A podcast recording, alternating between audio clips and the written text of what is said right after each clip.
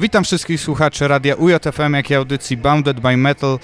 Jestem w klubie Garage Pub i rozmawiam z gitarzystą i wokalistą zespołu Alkoholika. Sasim, cześć, witajcie. I może na początek dla tych, którzy jeszcze nie wiedzą, powiedz nam kim i czym jest Alkoholika. Alkoholika od 2004 roku zajmuje się graniem muzyki zespołu Metallica jako tribute band, natomiast od 2017 postanowiliśmy pójść też swoją drogą. Nagraliśmy płytę z autorską muzyką Sub-Zero i teraz jesteśmy na ostatniej prostej. Wydajemy drugą płytę, również z autorską muzyką. O, jeszcze tytuł nieustalony, ale będzie w tym roku. Pogadajmy troszkę o metalice. Jednym z największych frazesów w subkulturze metalowej jest Metallica się sprzedała. Chciałbym się ciebie zapytać, czym w ogóle jest sprzedanie się? Jeszcze większym jest, wiesz, Metallica skończyła się na Killemall, nie?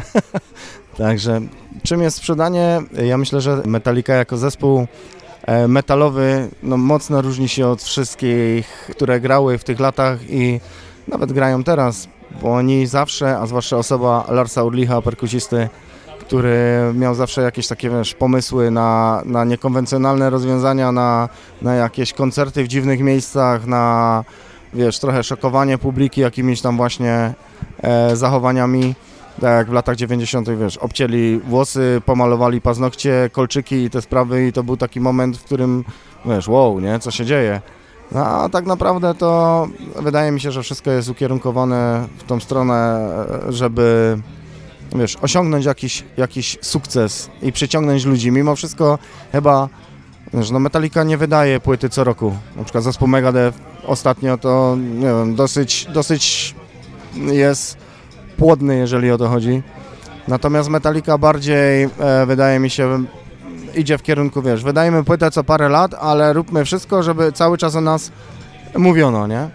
No i ta, to, to sprzedanie się dla mnie, to wiesz, to takie słowo to dla mnie nie istnieje, no bo tak naprawdę jest tysiące zespołów, wiesz, różnych popowych, nie wiem, disco polowych, metalowych, rockowych, czy raper jakiś tam od, odstaje stylem od innego, czy on się sprzedaje, bo coś chce zrobić innego, nie wiem.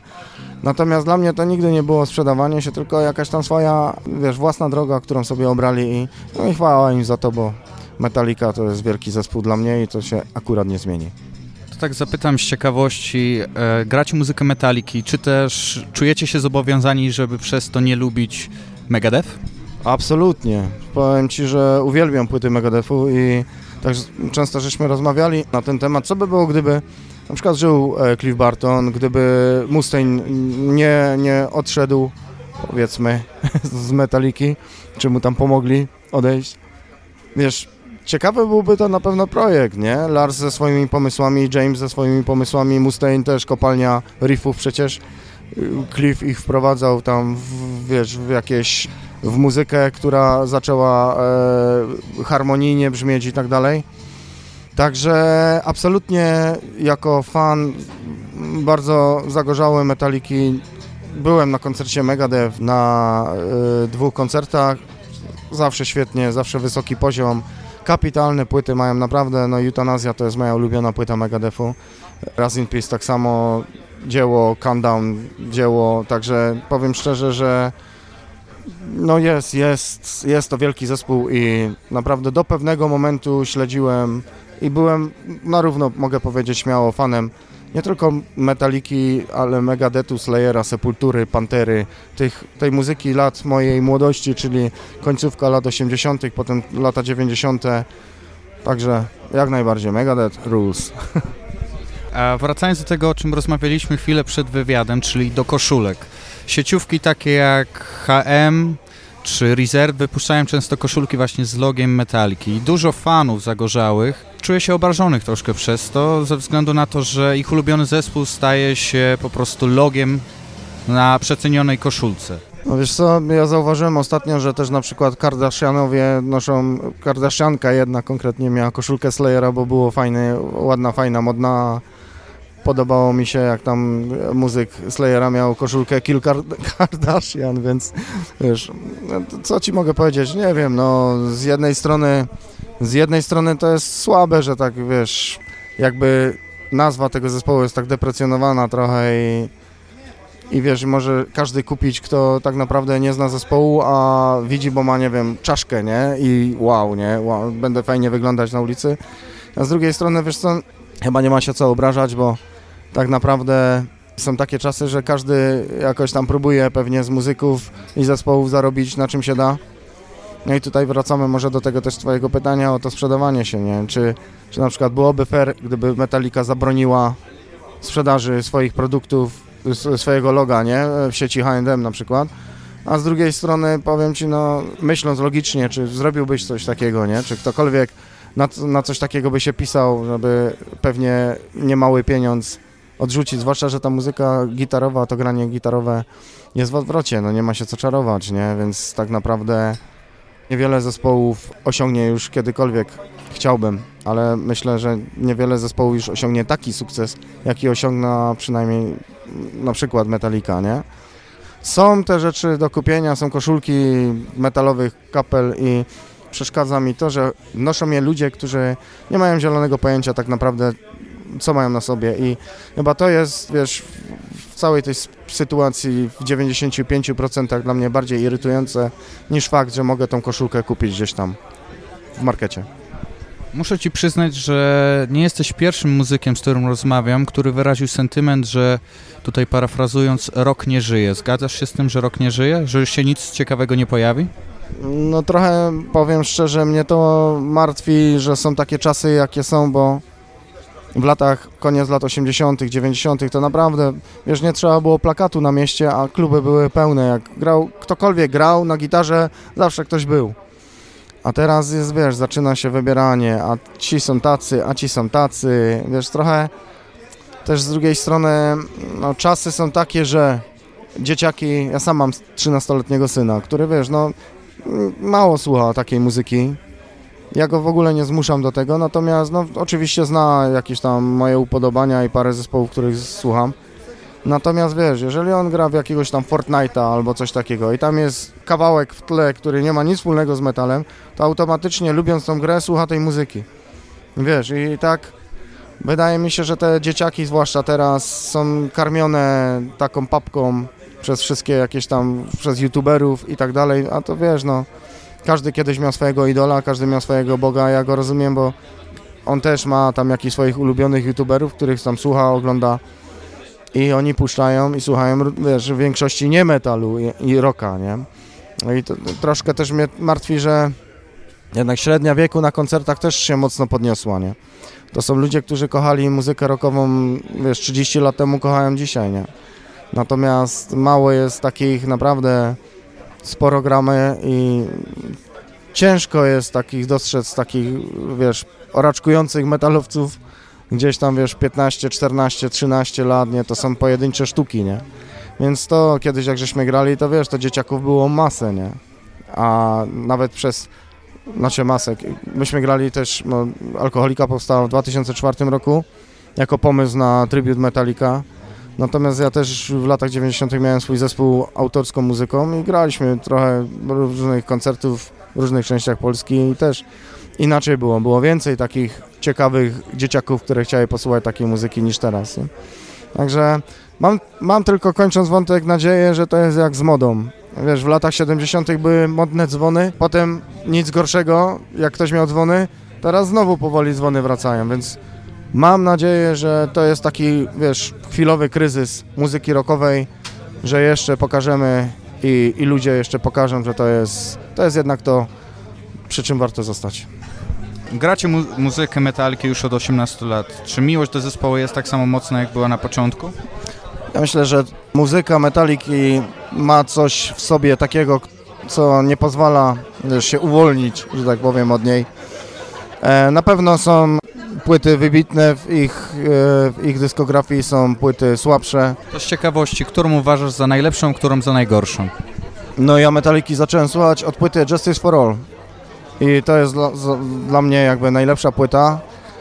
Najgorsza, może inaczej, no nie będzie zaskoczenia jak powiem, że Saint Anger jest taką specyficzną płytą, czasem sobie do niej wracam, ale wiesz, to nie jest płyta, którą puszczasz do, wiesz, odkurzania i sprzątania chałupy, tylko tylko tak już naprawdę wybieram jakieś pojedyncze piosenki, żeby sobie przypomnieć. Także myślę, że tak. Wracając do poprzedniego pytania, Metallica rozgrzewa dalej serducho metalowe? Jak najbardziej.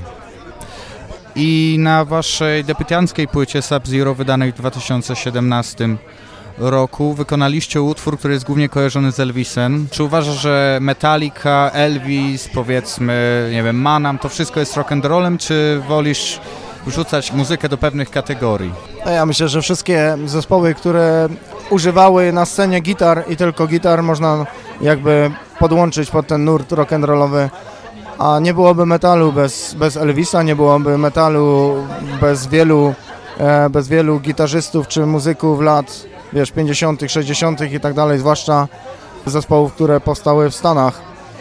Także no nawet mówią ludzie Whiskey in a Jar, że jest to piosenka Metaliki, oczywiście nie jest. Wiadomo, znaczy ja wiem, ty wiesz, natomiast gro ludzi myśli, że to jest utwór Metaliki. Tak naprawdę to nawet Tin Lizzy, który skowerował ten utwór, wziął to z muzyki jakiejś tam celtyckiej. Także, czy może się mylę, ale to też jest cover covera i no skąd się to wzięło? Gdzieś te początki były, wiesz, kawałek, który jak ja posłuchałem sobie nawet wykonania Tin Lizzy, to nawet nie, nie przyszło mi to do głowy, że może tak fajnie Metallica to zrobić. A jednak odpowiednio, wiesz, ubrany utwór, aranż odpowiedni. Wiesz, Metallica ma to coś, że covery w jej wykonaniu są zawsze, zawsze na wysokim poziomie i, i kończąc również ten wątek, myślę, że nie byłoby Metalliki bez Elvisa Presleya. Wykonaliście The Unforgiven z grającą na wiolonczeli Katarzyną Biedrowską. Moim pytaniem jest, dlaczego metal tak często sięga po muzykę klasyczną? Robiła to m.in. Metallica swoim albumem SNM. Powiem Ci, że wspominałem wcześniej o Cliffie Bartonie, który próbował e, jakby zaszczepić e, w muzykach Metalliki miłość do, do harmonii, którą właśnie, wiesz, on czerpał inspirację też z muzyki klasycznej. Ja myślę, że to wszystko się łączy, wszystko co ma struny pasuje do siebie. Czy wiesz, czy to jest sześć strun gitary elektrycznej z przesterem, czy, czy wiolonczela grająca gdzieś w tle, naprawdę myślę, że e, muzycy grający na instrumentach smyczkowych czy strunowych i tak dalej, na, wiesz, to, to, to jest wszystko jedna rodzina, tylko powiedzmy wydobyć z tych instrumentów jakby e, duszę i wiesz, i to coś, co powoduje, że muzyka metalowa w tym przypadku akurat ma, ma inny jakby wymiar. No, sam, my, myśmy zagrali też trzy koncerty, czy trzy chyba, z 15-osobowym składem smyczkowym i powiem Ci, sam miałem ciarki, jak słyszałem niektóre momenty, jak grali. Naprawdę to jest coś pięknego, a ten pomysł nasz, żeby zagrać akurat Unforgiven, to, to żadna jakby wielka historia, po prostu przez COVID wielu muzyków nie miało co robić, po prostu. Naprawdę nie, nie, nie, nie, nie mogli zarabiać na chleb. I znajoma Katarzyna, która gra właśnie na, na wiolonczeli, zaproponowała, żeby zagrać jakiś utwór Metaliki właśnie w tej formie. Natomiast sama forma tego, no wiesz, nie każdemu się to nasze wykonanie podoba. To było tak zrobione, można powiedzieć trochę pomysł, wiesz, od, od narodził się w sobotę, za tydzień nagrany. Natomiast jest, chcieliśmy tak to zrobić, żeby ta wiolonczela jakby podkreślała podkreślała linię melodii i tak dalej w tym utworze. No wyszło jak wyszło, no tak jak mówię, nie każdemu musi się podobać. Natomiast jakby też sam pomysł wy, wyszedł od muzyka. Ona jest po prostu doskonałym muzykiem, gra w filharmonii, gra, gra w zespole sm- smyczkowym na co dzień. I, I wiesz, przy nas, kiedy my tam, że tak się wyrażę, łoimy metal, no to to jest muzyk taki pełną parą. I naprawdę ciężko, ciężko z taką, wiesz, łańską fantazją czasem pograć z kimś, kto trzyma się nut, trzyma się, wiesz, metronomu tak, kurczę, co do ułamka sekundy. To jest fajne, to jest takie, wiesz, inspirujące. Natomiast potraktowaliśmy to jako takie małe wyzwanie i dlatego powstała, pows- powstał ten cover. Od jakiegoś czasu e, pracujecie nad nowym materiałem. Zdradziłbyś jakieś szczegóły, kiedy możemy się spodziewać premiery, czego możemy się na tej płycie spodziewać? Premiera płyty miała być w zeszłym roku, ale wszystko spowodowane jakby pandemią e, wszystkie jakieś nasze ruchy no, zostały mocno i plany mocno pokrzyżowane, więc dlatego dopiero teraz udało nam się dokończyć muzykę. No takich rzeczy, które mogę zdradzić, na tej płycie znajdzie się jeden cover, dziewięć naszych autorskich utworów. Będzie bardzo szybko, będzie bardzo wolno i będzie dużo melodii. Tak sobie wymyśliliśmy jakby podział, wiesz, będzie parę utworów szybkich, parę utworów spokojniejszych, trochę ciężaru, dużo melodii. Nie odkrywamy prochu, gramy metal, który sami lubimy słuchać, lat 90., wiesz, Metallica, Megadeth, Slayer, Sepultura, jak już mówiłem, Pantera, dużo fajnych riffów melodyjnych, wtedy było, wiesz, Testament, to, to całkiem inna muzyka niż teraz e, zespoły tworzą. No my tak trochę bardziej oldschoolowo może, ale tak jak wspomniałem, prochu nie, nie, nie odkrywamy, natomiast zachęcamy do posłuchania tej płyty, bo mam nadzieję, że dla, dla fanów takiego grania lat 90. to będzie coś, co przypadnie do gustu. Podsumowując, Metallica się nie sprzedała, a rock and roll umiera, ale żyje dzięki takim zespołom jak chociażby Alkoholika. Dziękuję Ci bardzo za wywiad. Dzięki piękne, trzymajcie się zdrowia i mam nadzieję do zobaczenia wkrótce.